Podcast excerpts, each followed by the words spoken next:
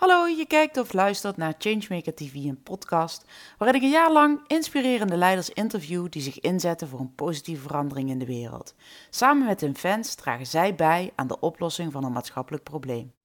Mijn naam is Irene Jansen en ik help leiders om changemakers te worden.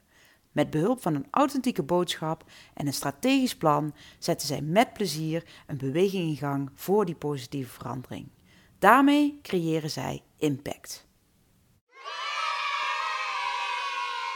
In deze aflevering legt Leo Boormans uit hoe geluk een spier is die je kunt trainen, zodat je op het einde van je leven geen spijt hebt van de dingen die je hebt gedaan of niet hebt gedaan. In dit inspirerende gesprek met deze geluksambassadeur krijg je direct tips en heel veel zin om eraan te werken.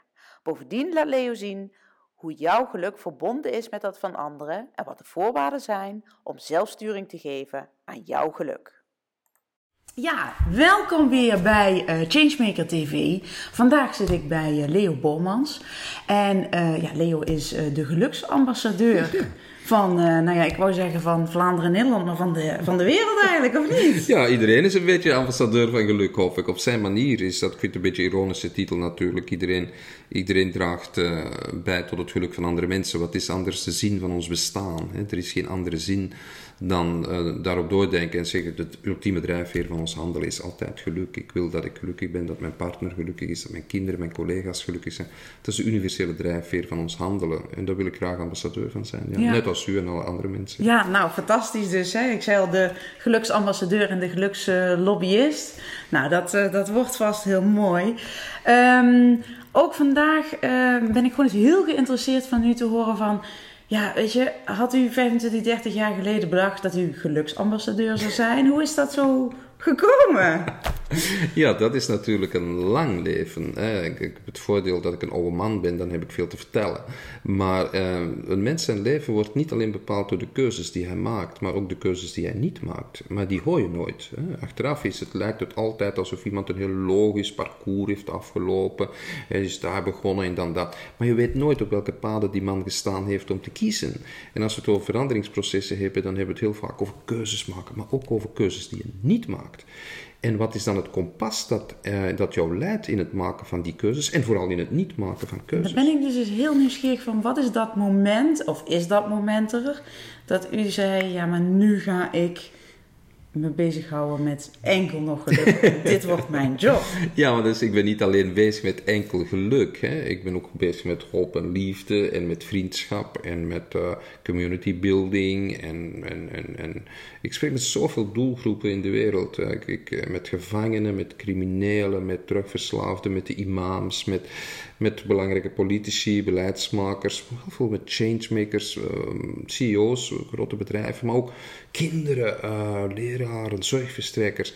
Die ultieme drijfveer van geluk en hoop is, is, is universeel, die delen wij allemaal. En ik wist daar niks over. Um, en toen ik daar tien jaar geleden met dat project begon, uh, was ook happiness niet aan de orde. Dat, uh, dat kwam niet voor in de winkelstraten. Nu kan je nergens nog een winkelstraat binnengaan, je koopt nergens een kop koffie, je koopt een cup of happiness overal. Maar dat was tien jaar geleden niet zo. Hè. Uh, toen het woord geluk was beladen met een soort zweverigheid, iets ballonnetjes. En toch dacht u, hier ga ik iets mee doen. Ik ga inderdaad dat boek. Ja, maar ik wist niks over geluk en dat was nu net mijn voordeel, omdat ik daardoor aan professoren ben gaan vragen. En ik wist helemaal niet dat er professoren waren die geluk bestuderen. Ik was journalist. Ik, was een, ik had dertig medewerkers in het team waar ik voor werkte voor de Vlaamse overheid. Met een, een oplage van tijdschriften van anderhalf miljoen exemplaren, noem maar op. Ik had helemaal geen behoefte om, om, om nog iets heel groots in mijn leven te gaan doen. Maar plots ontdek ik dat er zoveel is waar ik eigenlijk intuïtief mee bezig ben, maar waar ik zo weinig over weet, namelijk over geluk, hoop en liefde. Ik ben gewoon gaan vragen aan die professoren, wat weten we er eigenlijk over? En die mensen waren zo blij dat er iemand langskwam dat, die dat eens in gewone mensentaal ging vertalen, want de psychologie heeft zich vergist. De psychologie heeft zich honderd jaar bezig gehouden met te bestuderen wat mensen ongelukkig maakt. We weten heel veel over schizofrenie, pathologieën, noem maar op, maar wat mensen gelukkig maakte, dat bestudeerde men eigenlijk niet. Daar kreeg men ook aan de universiteiten geen subsidies voor. En het is pas heel recent dat daar kennis, wetenschap, onderzoek onderzoek naar is. En ik probeer die te vertalen in een taal die ik zelf begrijp en dus ook andere mensen begrijpt. En toen ik aan de London School of Economics was, toen zei men daar, ja, we hebben al dat onderzoek en jij kan het heel goed uitleggen. You're the ambassador of happiness. Wil ik nou, vind ik wel leuk om op een naamkaartje te zetten. Ja, dus het is ook een proces waarin, je, waarin je ingaat en dan adviseer je ineens uh, regeringen, ja. uh, Bhutan, sta je op uh, allerlei podia, op de televisie. Wat is als u het kort Maar dat was niet het plan. Dat, dat was niet het plan. Nee. Dat, is, ehm, dat is gebeurd. Maar het is niet zo dat ik, uh, dat, dat een, een, een, uitgerichte strategie was. Ik wilde wel het boek over geluk schrijven en niet een boek over geluk. Daarom staat mijn naam bijvoorbeeld ook niet op dat boek. Mijn uitgevers, ondertussen zijn die boeken vertaald in meer dan 12 talen, 15 talen, Russisch, Japans, Chinees, Arabisch. Ik mag het ook overal achterna reizen. Hmm. Maar die uitgevers bellen altijd, er is een foto aan uw boek. Uw naam staat niet op dat boek. Ik zeg, ja, maar dat is ook totaal irrelevant. Het is de World Book of Happiness, punt. En dat wil ik maken. Kijk, mooi. Maar wat is dan gaandeweg? Gaat u daarmee aan de slag? En denkt u van, oké, nee, ik ga geen tijdschriften meer maken. Ik ga echt uh, ja, met die geluksboodschap de wereld in. Wat is dan uw missie, uw droomdoel voor Ja, elke mens komt op zo'n kruispunt waarvan hij zegt van... Ah ja, er is, ik, ik, ik wilde niet weg op die job, ik had een droomjob. En plots zeg ik, ja, maar er is hier ook een achterdeur aan. En een voordeur. Dus ik kan gewoon door de voordeur naar buiten stappen en iets totaal anders gaan doen. En dat was zo'n. Uh, dat, sommige mensen dachten dat ik gek geworden was. En een, een, een, vaste job opgeven voor zoiets geks waarvan ik helemaal niet wist waar ik naartoe ging. Ja. Maar dat is achteraf zo leuk gebleken. Ik, uh, en ik mag daar heel veel mensen mee inspireren. Ik krijg mails elke dag van mensen uit ergens uit de wereld. En die zeggen bijna allemaal hetzelfde. Uh, die zeggen, meneer Bormans, ik heb uw lezing gehoord of ik heb uw boek gelezen. Ik heb daar dat en dat mee gedaan. En meestal zijn dat dingen die helemaal niet in mijn boeken staan. Dat vind ik geweldig. Dus mensen zijn er ergens iets mee aan het doen. Kinderkamers van kankerpatiënten aan het schilderen. Dat heb ik helemaal niet gezegd, maar die doen dat. Omdat ze ergens gevoeld hebben, hé hey, ja, dit is hoopvol. En ik kan dat zelf in mijn uh, leven toepassen. Ik heb daarvoor een nieuwe term bedacht. Ik, ik, wat ik doe is infospiratie. Ik informeer geen mensen, want informatie die hebben zat, die is, het internet zit vol informatie. Ja. Inspiratie, dat is zoiets guru-achtig en daar heb ik een, een, vrees voor. Ik ben niet een soort guru die zegt wat mensen moeten doen, niemand moet mij volgen. Ik vertaal wetenschappelijk onderzoek en dat noem ik infospiratie. Dus inspiratie gebaseerd op kennis, wetenschap en onderzoek en daar doe je vooral je eigen ding mee. En heel veel mensen zeggen mij, ik herken mij in jouw woorden en in jouw werk en dat komt nu net omdat wij ik heb niet, omdat wij het wetenschappelijk onderzoek vertalen naar de mens. En u bent een mens. En daarom herkent u erin. Ik ben niet zo'n soort guru die het licht ergens heeft gezien en, 15 verschrikkelijke rampen heeft meegemaakt en van een individueel incident een universele waarheid maakt. Zoals veel Amerikaanse specialisten dat denken te moeten doen. Ja. Dat uh, is niet zo. Ja, maar eh, is het dan de missie om iedereen die infospiratie te kunnen geven over hoe je ja, laatst, geluk in de wereld. Laatst eh? was er nog zo'n mevrouw in Nederland die zei: Meneer Bomans, waarom moet ik eigenlijk gelukkig zijn? Ik zei: Mevrouw, u moet helemaal gelukkig zijn. Ik zal u niet verplichten om gelukkig te zijn.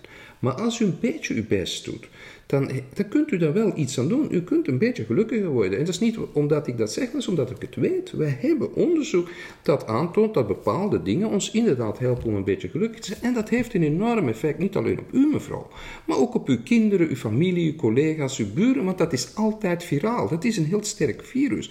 En u moet dat niet, maar als u wil, dan hebben we wel een aantal tools die werken. En we hebben onderzoek gedaan aan de Universiteit van Leuven bij 10.000 mensen. En we hebben die wekenlang gevolgd met kleine positieve interventies, testgroepen, heel psychologisch experiment. En we hebben voor het eerst gewoon aangetoond dat die kleine positieve interventies werkelijk werken, een effect hebben dat groter en duurzamer is dan het effect van pillen. En dat is niet spectaculair, maar als we het in termen zouden zeggen van gewicht verliezen, dan gaat het over 4, 5 kilo gewicht verliezen in een dieet of 6, 7 punten IQ winnen. Nu, dat is niet veel, maar dat is ook niet weinig. Het is relevant. Je, kan, je hebt een stuk, er is een deeltje maakbaar geluk. En dat is heel goed nieuws. Hè? Daarmee, in het begin maakte ik echt wel de fout om daar meteen over te beginnen en dan over het verdriet van de mensen heen te walsen. Maar mm. dat is een heel fout inzicht. In, in wat we dus heel goed gaat, zien. Dus eventjes voor mij, het gaat echt over uh, iedereen helpen met een beetje infospiratie, met de kennis die er is beschikbaar maken op een eenvoudige manier om mensen gelukkiger te maken of samenlevingen? Ja, of dat hangt altijd samen. Dat hangt altijd samen. Geluk is altijd prosociaal. Dat gaat niet over mijn individueel geluk, dat gaat altijd over het geluk van andere mensen. Um, wat we heel goed inzien is dat uh, pijn en verdriet deel uitmaken van ons leven. We zijn lang gaan denken dat geluk iets was van happy, happy en maar vrolijk en maar smileys en maar ballonnetjes en altijd maar liedjes van Pharrell Williams staan te dansen op vuilnisbakken. Ik ben ook niet de vrolijkste Frans van de wereld en dat hoeft ook helemaal niet. We zien dat geluk en verdriet net geen tegenstellingen zijn, maar deel uitmaken van dat rijke scala van emoties dat wij kunnen bewandelen. En wie intens verdrietig kan zijn, kan ook intens gelukkig zijn. En we hoeven niet tegen mensen te zeggen, nou, een beetje optimistischer zijn, je moet een beetje een roze bril opzetten. Ja, je hebt wel wat pijn, maar het gaat wel beter. Morgen gaat de zon weer op. Daar worden mensen echt veel gek van. Um, wij hebben recht op ons pessimisme, op onze twijfel. Maar wat we heel goed zien, is dat de werkelijkheid bestaat eigenlijk niet. Hè? Er is een interface tussen wat de werkelijkheid is en wie ik ben. Ik kijk naar buiten, ik kijk naar voorwerpen, ik kijk naar mensen. Maar mijn blik wordt bepaald door de interface die daartussen zit. En die interface kunnen we beïnvloeden. Ik kan die mensen niet beïnvloeden, ik kan de samenleving niet beïnvloeden, maar wel de manier waarop ik daarnaar kijk. En wat we in het onderzoek heel goed zien, is dat mensen met een positieve blik naar die toekomst, hè, dus er zijn een aantal parameters die ons gelukkiger maken, onze gezondheid, werk, een relatie, een gevoel van vrijheid, uh, noem maar op. Het zijn allemaal dingen die ons gelukkig maken. Maar als je op een positieve manier naar die dingen kijkt, dan verdubbel je het effect daarvan. Dus als je, je weet, ja, mijn gezondheid is belangrijk, of mijn werk is belangrijk, maar als je denkt, ja, maar ik ga het misschien verliezen, of ik ga ziek worden, of ik ga dement worden, en als ik niet oppas, dan gaan ze mij ontslaan, en, en, en, en mijn relatie, ja, ja, maar misschien gaat mijn partner lopen, en, en ga ik in een echtscheiding terechtkomen. Mensen die dat denken, die zijn ongelukkiger dan mensen die op een positieve manier naar hun relatie, naar hun werk en hun gezondheid Of net zo weinig werken of net zo vervelend ja, werken. Ja, en, daar dan, en dat effect dus verdubbelen. En dat is niet iets wat ik bedenk, dat zien we gewoon in het wetenschappelijk onderzoek. Het is nog beter om je toekomst te negeren dan om er negatief naar te kijken. Dus je kan ook beter niet nadenken over de toekomst dan er negatief naar kijken. En het meeste effect heeft een positieve blik. Hè? Omdat je op die manier ook dingen gaat doen. En alles wat mijn werk inhoudt rond geluk, hoop en liefde is een combinatie van um, reflectie en actie. Je denkt eerst even na en dan kom je in actie. Maar het is echt wel belangrijk om er iets aan te doen. Hè. Je kan blijven boeken lezen over geluk. Hè. Je kan je huis vol hangen met spreuken van de Dalai Lama. Als je, als, je niet, als je daar niks mee doet, ja, dan gebeurt er niks natuurlijk. Er zijn mensen die denken dat ze gaan afvallen en gewicht verliezen als ze boeken over diëten lezen. Maar dan gaat niks gebeuren. Dus je moet je eetgedrag aanpassen. En dat is voor geluk precies hetzelfde. Dat is, dat is een spier die je ontwikkelt. Hè. En als je daar niet mee traint, dan gebeurt daar niks. Maar als je een klein beetje gebest doet, dan heeft dat effect voor iedereen, ook in moeilijke situaties. Ja. Nou denk ik dat heel veel mensen in de Changemakers community zelf daar wel al op een of andere manier bijvoorbeeld zichzelf mee bezig zijn. Uh, maar als je het dan wil gaan verplaatsen naar ja, in je onderneming of, of uh, in je job, hoe ja, dan, dan wordt het ineens heel ingewikkeld. ingewikkeld. Het is net alsof je de deur thuis uh, dicht doet en je gaat het kantoor binnen en ineens, ja, dan weet iedereen wat er moet gebeuren. Hè. We moeten verduurzamen, we kunnen niet uh, zo met mensen om blijven gaan. nou, iedereen weet wat er moet gebeuren en toch lijkt het dan ineens heel ingewikkeld om. Um, ja, dus die positieve kijk of al die oefeningen die je dan al als persoon doet, mee te nemen in het bedrijfsleven in de Ga ervan uit dat elk veranderingsproces stoot op weerstand. Dat hoort daar gewoon bij. Dat maakt integraal deel van het, van het veranderingsproces. Als, ik, als je gewoon aan de keukentafel thuis voorstelt van we gaan allemaal op een andere stoel zitten en vanaf nu dan zit jij daar en jij daar, daar komt altijd ruzie van. En binnen die dagen zit iedereen terug op zijn stoel waar hij zat. Dus we willen eigenlijk helemaal niet, we willen de andere mensen veranderen, maar we willen zelf helemaal niet veranderen. veranderen is namelijk onveilig. En, en de grote, grote basisbehoefte van een mens is veiligheid. Je wil je veilig voelen in vertrouwde omgeving. Dus als je gelijk welk veranderingsproces hebt, is vertrouwen, veiligheid, zekerheid allerbelangrijkste wat je kan geven aan mensen. Um, het tweede wat je hen moet geven is uh, geloof in zichzelf. Hè? Uh, dat ze dat kunnen. Uh, in plaats van op het negatieve te focussen op het positieve. In plaats van op de fouten en tekorten te wijzen, juist op de positieve dingen. We schaffen in de bedrijven overal klachtendiensten af en we vragen ze dus door een gelukscoördinator. Dat is niet alleen een kwestie van semantiek, dat is ook een kwestie van andere focus. Hè? wat doet een klachtendienst? Ja, die genereert klachten. Die is succesvol als hij klachten heeft. Hè? Wat doet de gelukscoördinator? Die is als geluk creëert. Als hij Dus dat is een totaal ja. ander ding. Je hebt dus veiligheid nodig, je hebt, eh, je hebt eh, empowerment nodig. Eh, en ondersteuning van die mensen. Dat ze, dat ze dat, als ze dat willen, dat ze niet alleen zijn, dat ze dat in verbondenheid doen met andere mensen. Verbonden mensen zijn altijd succesvoller en gelukkiger dan andere mensen. We zijn heel erg gaan denken dat geluk iets individueels is. Ehm, eh, en dat het een externe toestand is. Dus ooit later ga ik de ideale job hebben, de ideale partner, het ideale huis. En het gaat over mij en het gaat over mijn dingen.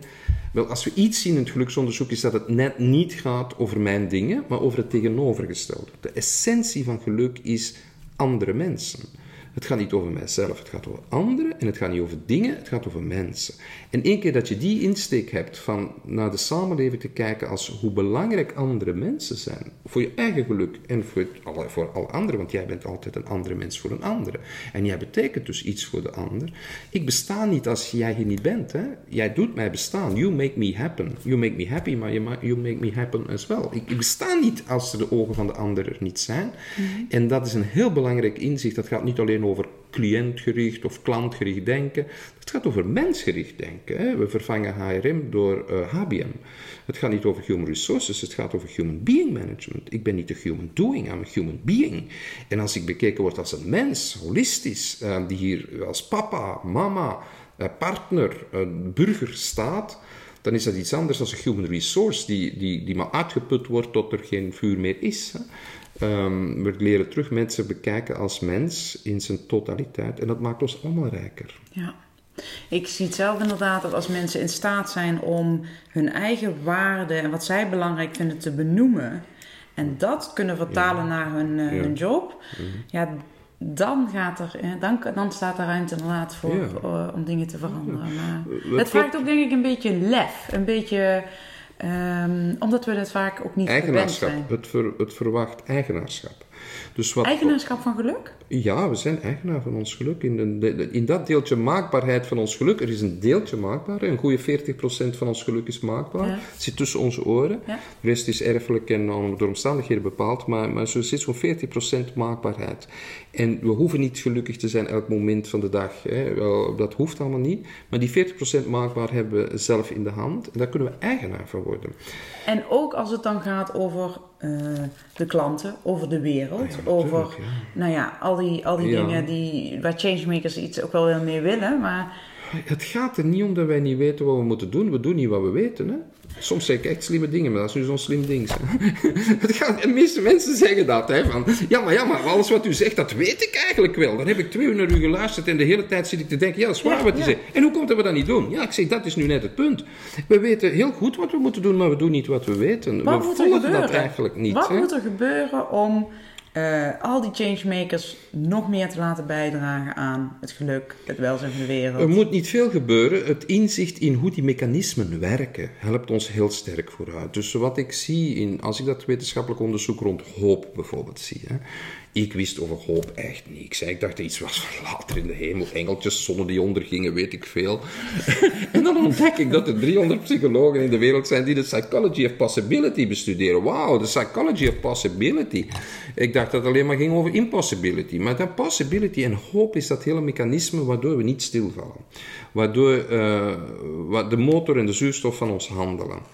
En als je dan één keer de parameters daarvan ziet, hoe is dat samengesteld? Wat is dat mechanisme eigenlijk? Dan zie je dat dat drie pijlers zijn. Hè? Eh, hoop is gebouwd op eh, goal setting, pathway thinking en agency. In het Nederlands is dat eh, doelen stellen. Hè? Dat is Ja. de eerste pijler. Grote doelen opdelen in kleine doelen. Eh, dat is één groot ding. Hè? De goal setting. Ja. Pathway thinking wil zeggen, ik vind altijd wegen, eh, coping strategies om het ding. Er is niet één weg, hè. er zijn vele wegen om een doel te bereiken. Er zijn mensen die denken, ja, er is maar één weg en die moet ik volgen. Nee, we kunnen veel leren van een spin. Hè. Een spin heeft twaalf verschillende coping strategies. Hè. Een spin weet dat ze heel stil moet zijn als ze een vlieg wil vangen.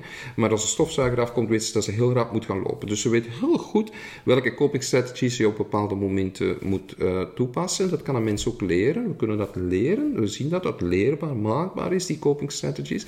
Wegen vinden, pathway thinking. En de derde pijler van hoopvolle mensen is agency, eigenaarschap. Hè. Ik blijf eigenaar van mijn leven. Er zijn mensen die vinden, ach, waarom moet mij dat nu toch weer overkomen? Waarom heb ik de pech van mijn leven? Die vinden zich slachtoffer.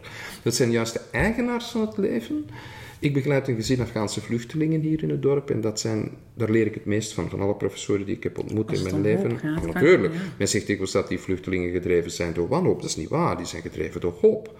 Stellen zichzelf doelen, kunnen die doelen opdelen in kleine doelen, blijven eigenaar van hun leven, geen slachtoffer en vinden altijd wegen om die eh, doelen te bereiken. Ehm, dat, is, dat is een heel significant voorbeeld van echt hoopvol gedrag. Ja.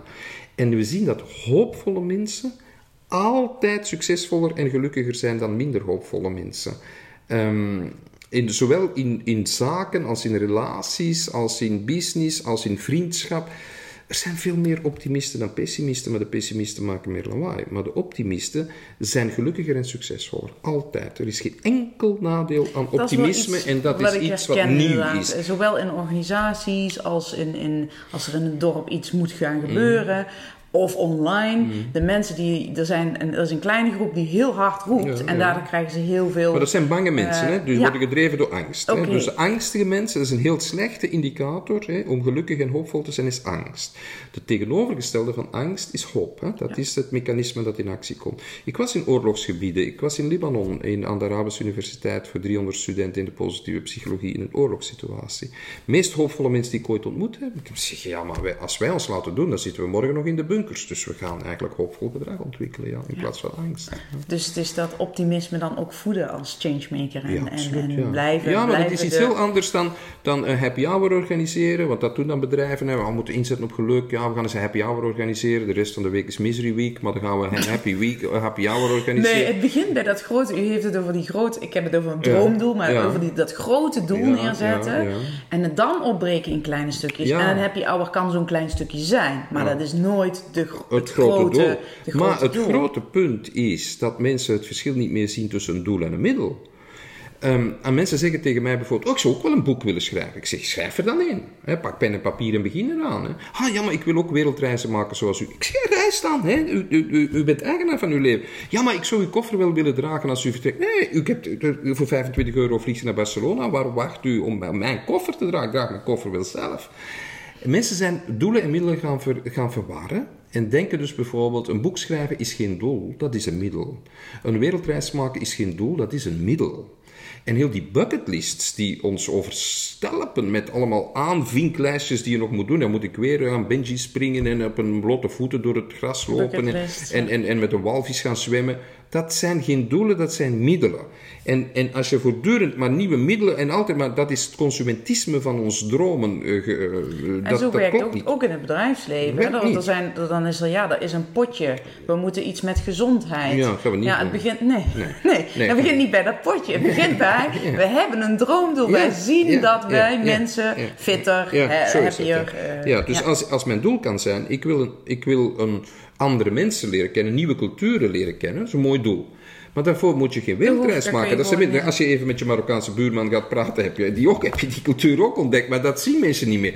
Dus als je zegt, een, een boek schrijven is, dat wil ik... Maar dat is een middel. Als je zegt, waarom wil je dat boek schrijven? Ha, ik wil, ik wil beroemd worden. Ha, dan zijn er veel middelen. Hè? Of ik wil mijn naam op een boek. Of ik wil andere mensen inspireren. Of ik wil mijn emotie uiten. Of, dat, zijn, dat zijn allemaal middelen om dat ene doel te bereiken. Dan vraag ik ook altijd, zij zegt, wie zijn jouw fans? En dan zeg je, ja, fans, hè, die heb ik niet. Hmm. Ik maar, heb geen nee. Maar er zijn natuurlijk toch heel veel, jij wil al die mensen inspireren. Hmm.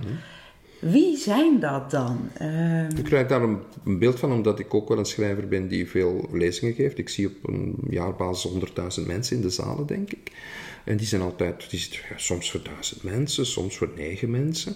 Eh, dat hangt er een beetje van af hoe intens het allemaal is. Ehm, ik zie heel veel van die mensen. En ik, ik heb de meeste ook wel echt in de ogen kunnen kijken. Dus ik heb er wel een beeld van, van wat die daar komen zoeken en wat dat met hen doet. Dat zijn zeker geen fans. Ehm, dat zijn mensen die op een of andere manier, zoals wij allemaal zoeken naar geluk, wij zijn allemaal gelukzoekers, en daarbij zoeken naar een kompas, naar richting, eh, richting en ruimte. Ehm, richting alleen is niet voldoende, je moet mensen ook ruimte geven om dat op een persoonlijke manier in te vullen. En wat ik probeer te doen is mensen uh, terug te confronteren met wie ben ik eigenlijk, wat zijn mijn dromen, durf je, weet je nog echt wel wat je dromen zijn, durf je die dromen ook aan je partner, aan je kinderen vragen. Uh, ik heb ook een heel project voor kinderen bijvoorbeeld, dat heel succesvol is, uh, dat nu in Japan en Korea gaat vertaald worden.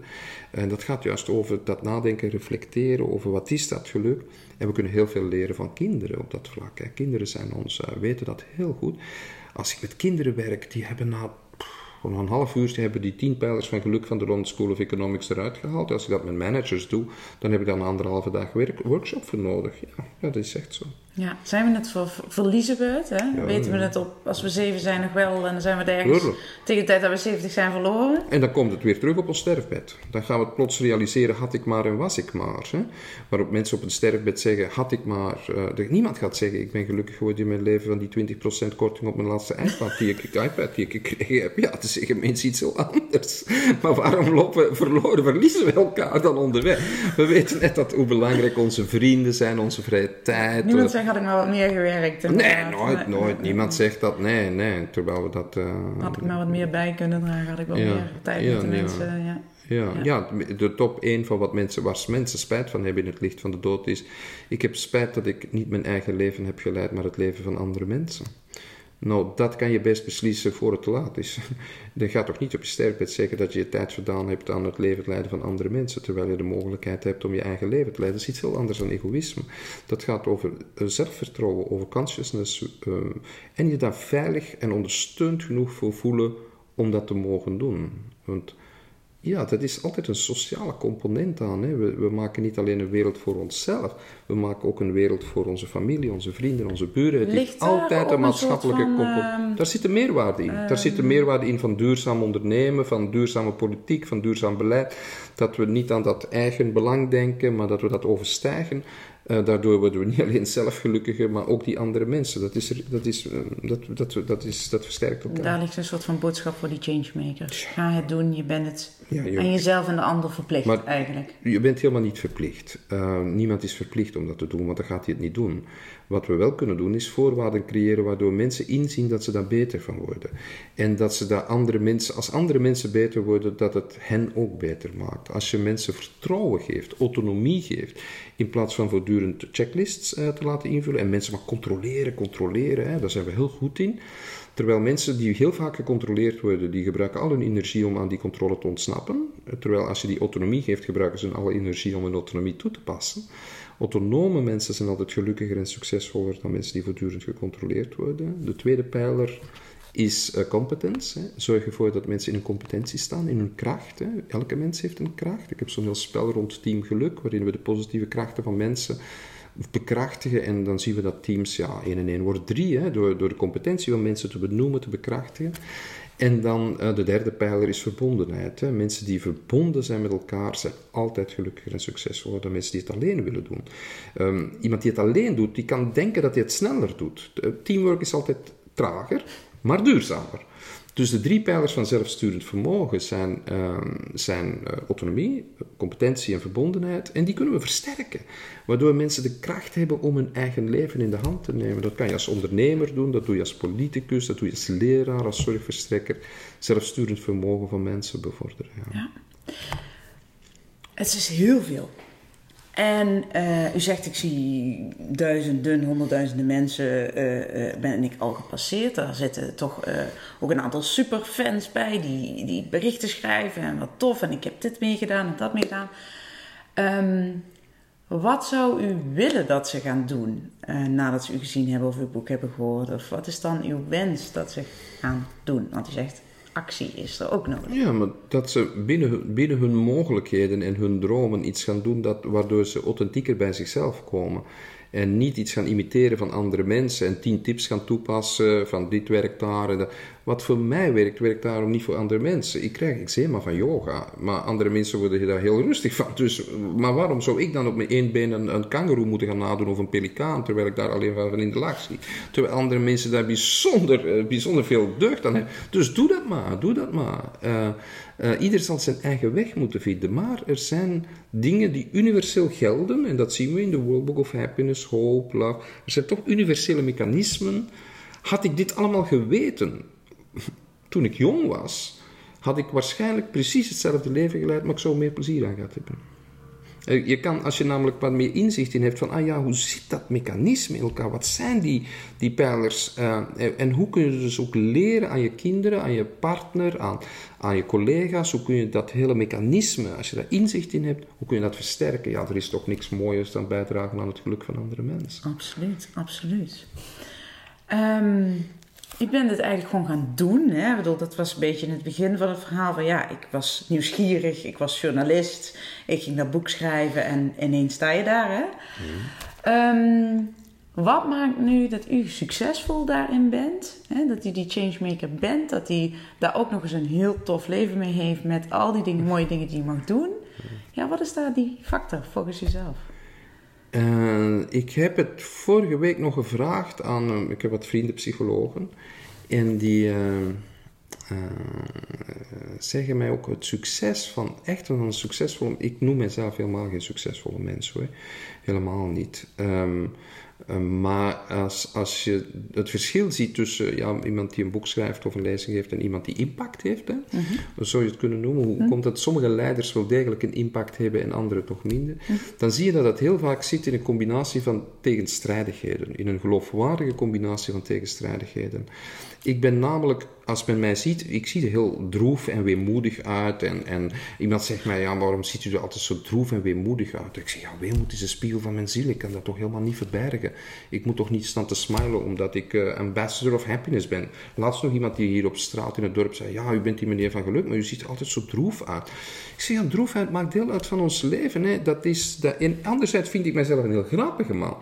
Dus ik kan echt heel veel plezier hebben in het leven, maar ik kan ook echt intens droef zijn. Er moet echt niet veel gebeuren of ik ben aan het wenen. Echt. Dat, is, dat, is, dat is heel kort bij elkaar. Ehm, maar ik kan die twee op een geloofwaardige manier combineren. Eh, verdriet en blijdschap. Net zoals ik... ehm, En maakt dat dan Ja. dat u meer impact heeft? ik denk dat authenticiteit daarmee te maken heeft. Als ik de vrolijkste Frans zou zijn en een clownpak zou aantrekken en iedereen, hè, nu gaan we vrolijk zijn, allemaal open dansjes en koekenbakken vlaaien en dat soort dingen. Dat was u uh, Chaka, weet je wel. Ja, dat gaan we niet doen. Dat gaan we niet doen, want dat is totaal ongeloofwaardig. Dat zou voor mij niet kloppen. Maar de intense combinatie van enerzijds, ik twijfel ook heel veel. Ik ben een twijfelaar. Maar als ik op een podium sta, dan ben ik een podiumbeest. Dan moet ik daar mijn twijfels niet uiten. Ehm, maar die unieke combinatie van het niet weten en het weten, tegelijk in een in, figuur, ik denk dat dat charismatische mensen kunnen zijn in bedrijven. Die, dat, die niet een rol spelen van ik weet het allemaal, ik ken alles. Ik, nee, ik, ben leer, ik leer elke dag, ik studeer elke dag. En dat vind ik zo leuk. Maar als ik daar alleen maar dat voor mezelf zou houden, nee, dan ga ik, eer dat ik een boek heb gelezen, ben ik al twee andere boeken aan het schrijven om er andere mensen mee aan te steken. Hè. Ja, en, Het is en die dat- combinatie, hoe- denk ik, van dat polarisatie. Oké, dus dat is een beetje een, een, een zijnskenmerk, hè? zo steekt u in elkaar. Hmm. Maar als het gaat over ja, die boeken die, die, die maar zo eruit rollen en het, het lijkt aan de buitenkant, ja, gewoon één groot succesverhaal. Maar Ja, maar dat is helemaal, dat is helemaal niet zo. De, de meeste van die dingen gebeuren heel spontaan. Dus dat kinderboek, ik zat gewoon... eh, mijn eigen kinderen zeiden, ja, vertel nog eens verhaaltjes, papa. Want dat is toch zo leuk als jij verhaaltjes vertelt. Ik zei, eh, en schrijf ze eens op. En ik schreef wat verhaaltjes op. En ik stuur die naar de uitgever. En ik zeg, ja, ik heb wat kinderverhaaltjes gemaakt. is misschien wel leuk. En we geven die uit. We zetten daar prachtige tekeningen bij. En ondertussen zijn er eh, honderdduizend van die boeken weg. van Geluk voor Kinderen. En zijn er zoveel scholen die mij mailen. Die kinderen zijn helemaal daarmee weg. Maar is het dan ook kunnen zien wanneer de kans zich voordoet of de kans creëren of gewoon niet bang zijn om te niet falen? bang zijn, Wat niet is bang? Zijn, ja. De juiste mensen tegenkomen die ook in jou geloven. Ehm, het heeft altijd, hè, met die drie pijlers waar ik het eh, daar straks over had, hè, ik voel mij veilig en vertrouwd. Ik ben niet bang. Hè. De, de, dat een heel belangrijk. Ik, ik, ik voel mij goed omringd door mensen. Mensen die mij steunen, die mij vertrouwen. Ik heb vrienden. Ik, ik heb een familie en ik heb eh, een sociaal netwerk waarop ik kan. Ik heb zo rond mij allemaal mensen die ik de ambassade van geluk noem. Dat zijn allemaal mensen die op een of andere manier met mij verbonden zijn. En daar haal ik intens geluk uit. Ik voel mij veilig. Ik voel me ook ondersteund hè, door, door mensen. Ik ben niet bang en ik, ik weet dat ik doelen kan stellen, mag stellen. En dream big, hè? dream big. Hè? Ik, eh, ik mocht Kofi Annan ontmoeten, de Nobelprijswinnaar, en ik mocht samen met hem duizend jongeren toespreken. En ik vroeg hem, welk soort jongetje was jij eigenlijk toen jij tien jaar oud was? En hij zei, denk jij nu werkelijk dat ik daar dacht in dat kleine dorp in Ghana dat ik, eh, dat ik eh, de Nobelprijs van de Vrede ging winnen? Natuurlijk niet.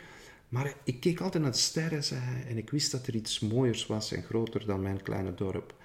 Uh, you travel the world, he said. Please don't ask people what are their talents. Don't ask about their shortcomings. Ask about their dreams. Vraag naar wat hun dromen zijn. En droom groot. En dat herken ik heel goed, dat kleine jongetje dat ik was. Uh, ik had een circus in de tuin toen ik... Uh, zeven of acht jaar was. En het hele dorp kwam, alle kinderen kwamen naar het circus. Uh, en ik was de directeur, de clown, de dierentemmer, alles tegelijk. En um, ik was heel gebiologeerd door dat hele circus. Ik, um, ik had ook een favoriete droom. En die kon ik zelf dromen. Ik wilde namelijk met het circus rondreizen in de wereld. Dat was als ik s'avonds ging slapen. En nu ga ik weer dromen van dat circus. En dan kwam dat hele mechanisme. Maar ik was niet de directeur in mijn droom. Ik was degene die voorop reed met het autootje om de reclameborden te zetten. En te zeggen, het circus komt, het circus komt. Als die man bij ons in het dorp kwam, dat, ik ik volgde hem overal met mijn fietsje. Van, dat is de man die zegt dat het circus gaat komen. En ik voel mij nog altijd zoals die man eigenlijk. Ik, ik rijd de wereld rond om te zeggen: het circus komt. Het is er nog niet, maar het komt, komt. Het gaat leuk worden, maar het is er nog niet. En dat is een soort um, droom die ik mag dus, realiseren. Dus, dus de succesfactor is dan het je veilig voelen en omringd te voelen, verbonden voelen met mensen doen, om je En niet, op, niet bij je pakken blijven zitten, een groot droom. Groot durven dromen en klein durven doen eigenlijk. Gewoon ja, stap voor die, stap. verhaaltjes gewoon. Ja, stap voor stap. Ik maakte een boek, er was een organisatie die voor uh, laaggeschoolde mensen werkt. dus mensen die bijna niet kunnen lezen of schrijven vluchtelingen die leren lezen en schrijven. Wilt u uw werk nu eens niet samenvatten in eenvoudige taal, zodat happiness niet alleen voor de happy few is, maar ook voor mensen die niet vaak lezen of moeilijk lezen. En dat werd dus dat boekje uh, 20 wegen naar geluk. Mhm. Dat heb ik gewoon gemaakt op vraag van een, een, een, mensen die werken met laaggeletterde mensen. Ik dacht, ja, dat maak ik dan in. Ik heb daar ook niks voor gevraagd voor dat boekje om te maken. Ik zeg, dat is dan voor. en dat wordt nu gebruikt in opleidingen voor, voor voor uh, mensen. Maar dat, ondertussen is dat... Is de dat vraag is ook, hè, we, we kunnen, wel, we kunnen wel heel goed zijn in lezen. Hè? Bedoel, maar, maar ik bedoel, wie, wie leest er nog uh, ja. zo'n zo'n boek? Hè? Ja, maar, en dit ja. lezen ook dokters, advocaten, managers, omdat het zo kort en zo bondig is. Het is ja. handig. Nou, wat dus wat, wat, heel dan, wat het, bedoel is, het, ik had niet een plan van nu ga ik eens een bestseller maken in heel eenvoudige woorden. Ik dacht gewoon, ja, ach, ja ik maak dat even voor die paar honderd mensen die in de basiseducatie zitten. En plots is, is, is, uh, is dat wel een succes. Maar dat heb ik dan verder zelf niet meer in de hand. Dat gebeurt dan. Mooi. Nou, dat is misschien wel een, een hele mooie. Um, ja, de inspiratie ook weer doorgeven uh, aan de changemakers die zitten te kijken. Um, het is heel simpel, maar je moet er wel iets voor doen. Uh, het is effectief, je kunt er anderen mee aansteken. Um, groot dromen, klein doen, dat is een beetje wat ik en ook jezelf, jezelf blijven, nee, geen rol gaan spelen. Nee. Men heeft dat onmiddellijk door als je probeert problemen te verdoezelen in je bedrijf of in je onderneming door even wat ballonnen te hangen en happiness te verspreiden. Daar gaat het echt niet over. Het gaat over doen waardevolle dingen. Uh, succesvolle, succesvolle ondernemingen zijn ondernemingen waarin mensen mogen zijn wie ze zijn, mogen worden wie ze willen worden, mogen samenwerken met andere mensen en het gevoel hebben dat het zin heeft, dat het betekenis heeft. Ja. En als je aan die voorwaarden allemaal kan voldoen als leidinggevende, als changemaker, dan zijn we eigenlijk allemaal changemakers van ons eigen leven. Uh, mogen zijn wie we zijn, worden wie we willen worden en de dromen waarmaken in een zinvol groter geheel. Mooi. En daarover nadenken en dat, daar iets mee aan de slag gaan. Ach, zo moeilijk is dat niet. Het is elke dag iets. En sterker nog, op twintig simpele manieren zit dat in een heel klein boekje. Dus ook voor degenen die niet zo'n dik boek willen geven. En uh, ik ga hem uh, weggeven, dus ik ga u vragen om daar uh, wat in te schrijven. Mhm. Dus voor diegene die zit te kijken en die denkt: ja, ja, ja, ja, ik wil hier nu meteen mee aan de slag. Ik moet ja, mijn eigen geluk, maar ook vooral dat van mijn omgeving. Ja, daar wil ik gewoon iets mee. Dan zou ik zeggen, laat even een berichtje achter. stuur mij een e-mail. En uit al die reacties gaan wij gewoon een, iemand heel blij maken, u toch? Bent, u, u, bent op uw manier al een en al een, de koningin van het enthousiasme, dus laat maar komen. Goed, nou, van nu wil ik wel heel hartelijk bedanken voor dit gesprek. En ja, blijf kijken naar Changemakers TV, de plek waar je uh, inspiratie vindt om uh, zelf bij te dragen met jouw missie voor een mooiere wereld. Tot gauw! Je keek of luisterde naar Changemaker TV en podcast. Fijn dat je erbij was. Laat vooral even weten wat je ervan vindt door like te geven of een reactie achter te laten. Wil je niks missen van deze serie met inspirerende leiders die zich inzetten voor een positieve verandering in de wereld? abonneer je dan even. Be the change.